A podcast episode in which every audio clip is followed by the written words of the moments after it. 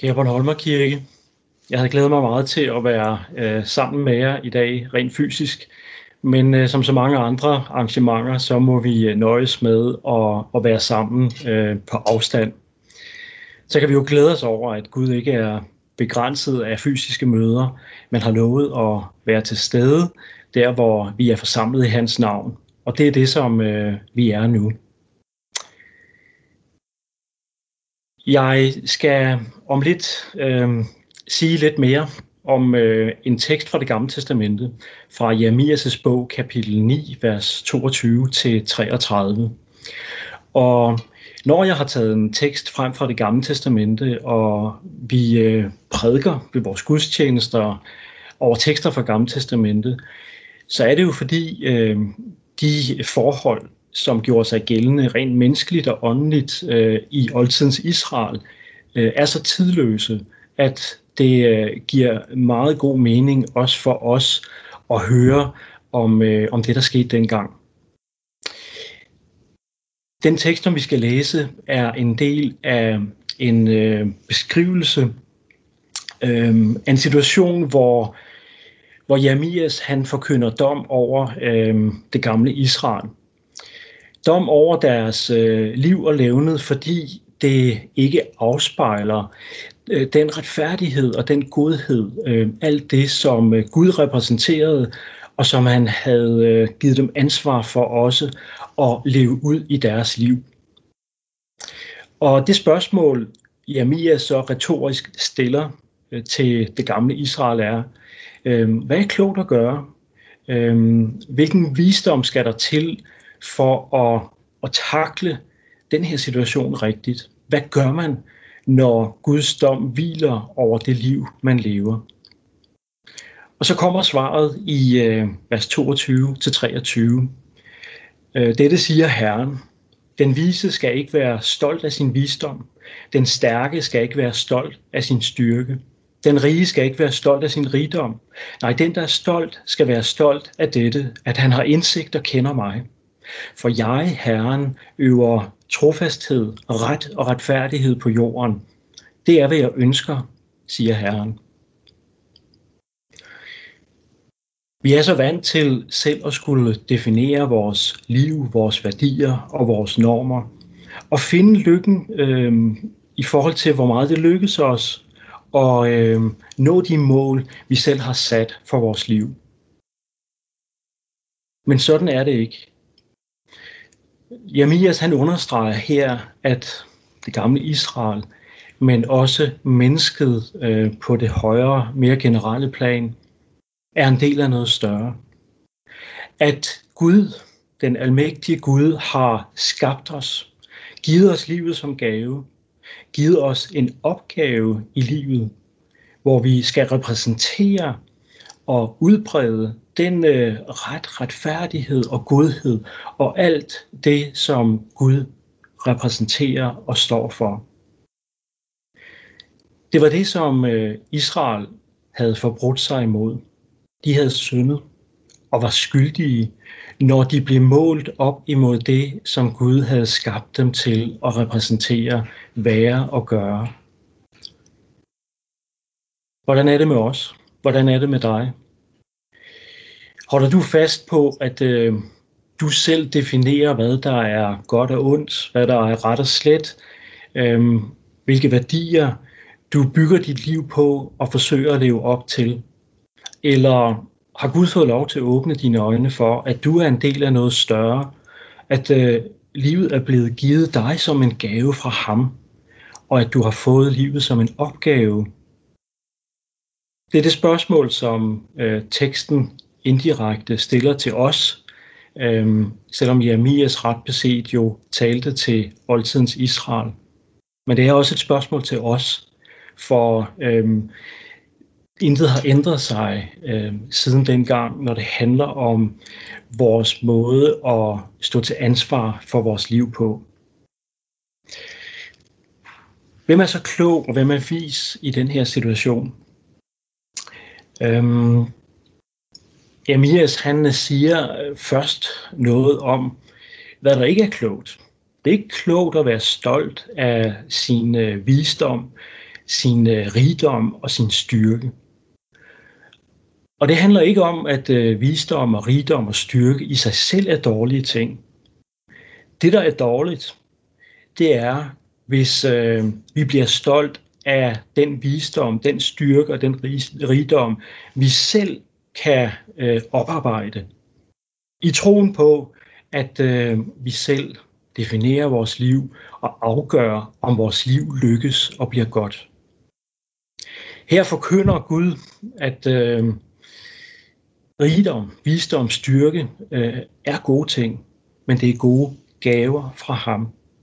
Og hvis de ikke tages imod og bruges og øh, sættes pris på som gaver fra ham, så går det galt. For så bliver det os selv, der kommer til at definere, hvad der er rigtigt og forkert. I det positive svar på, hvad, hvad man så skal være stolt af, og hvad visdom så er, der siger Jeremia så på, på Guds vegne, at den, der skal være stolt, skal være stolt af at have indsigt og have kendskab til Herren. Jeg er så glad for, at øh, det både er indsigt og kendskab. Indsigt står for øh, tankens forståelse, erkendelsen af, øh, hvem Gud han er.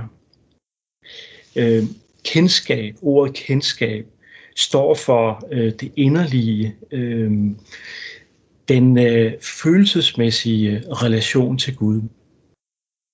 Og når disse to ting står sammen, så understreger det for os, at øh, vi skal være stolte af både at have forstået noget af, hvem Gud er, have gennemtænkt noget, vi har hørt om Gud, så vi bliver overbevist om, at ja, sådan er Gud. Men samtidig, så er det ikke bare en, øh, en teori eller noget abstrakt. Det er et personligt øh, kendskab til Gud. Et inderligt forhold, som gør, at øh, det vi har forstået om Gud, øh, får øh, følelser, får øh, præg af relation, sådan som vi kender det også fra vores mellemmenneskelige forhold. Hvad er det så, der kendetegner den indsigt og det kendskab til Herren? Jo, det er, at øh, Herren øver trofasthed, ret og retfærdighed. Retfærdighed øh, betyder, at, øh, at Gud er retfærdig i sit væsen. At øh, Gud er god, og Gud repræsenterer alt det rette og sande. Ordet ret øh, betyder den måde, Gud udøver sin godhed og retfærdighed og sandhed på. Og sammenlagt, øh, så betyder indsigten og kendskabet til Guds ret og retfærdighed, at øh, det gamle Israel blev klar over, at øh, de havde syndet og gjort oprør, når de målte sig med den ret og retfærdighed. Hvad der sker, når du og jeg måler os op mod Guds ret og retfærdighed? Er det ikke det samme, at vi også må erkende og bekende, at øh, her kommer vi til kort og står skyldige? Og så er det jo underligt, eller skulle vi snarere sige vidunderligt, at øh, Gud ikke bare øver ret og retfærdighed, som betyder, at vi øh, står skyldige over for ham, men at han også øver trofasthed. Og det, der ligger i trofasthed, det er jo, at Gud er tro imod øh, de løfter, han har givet.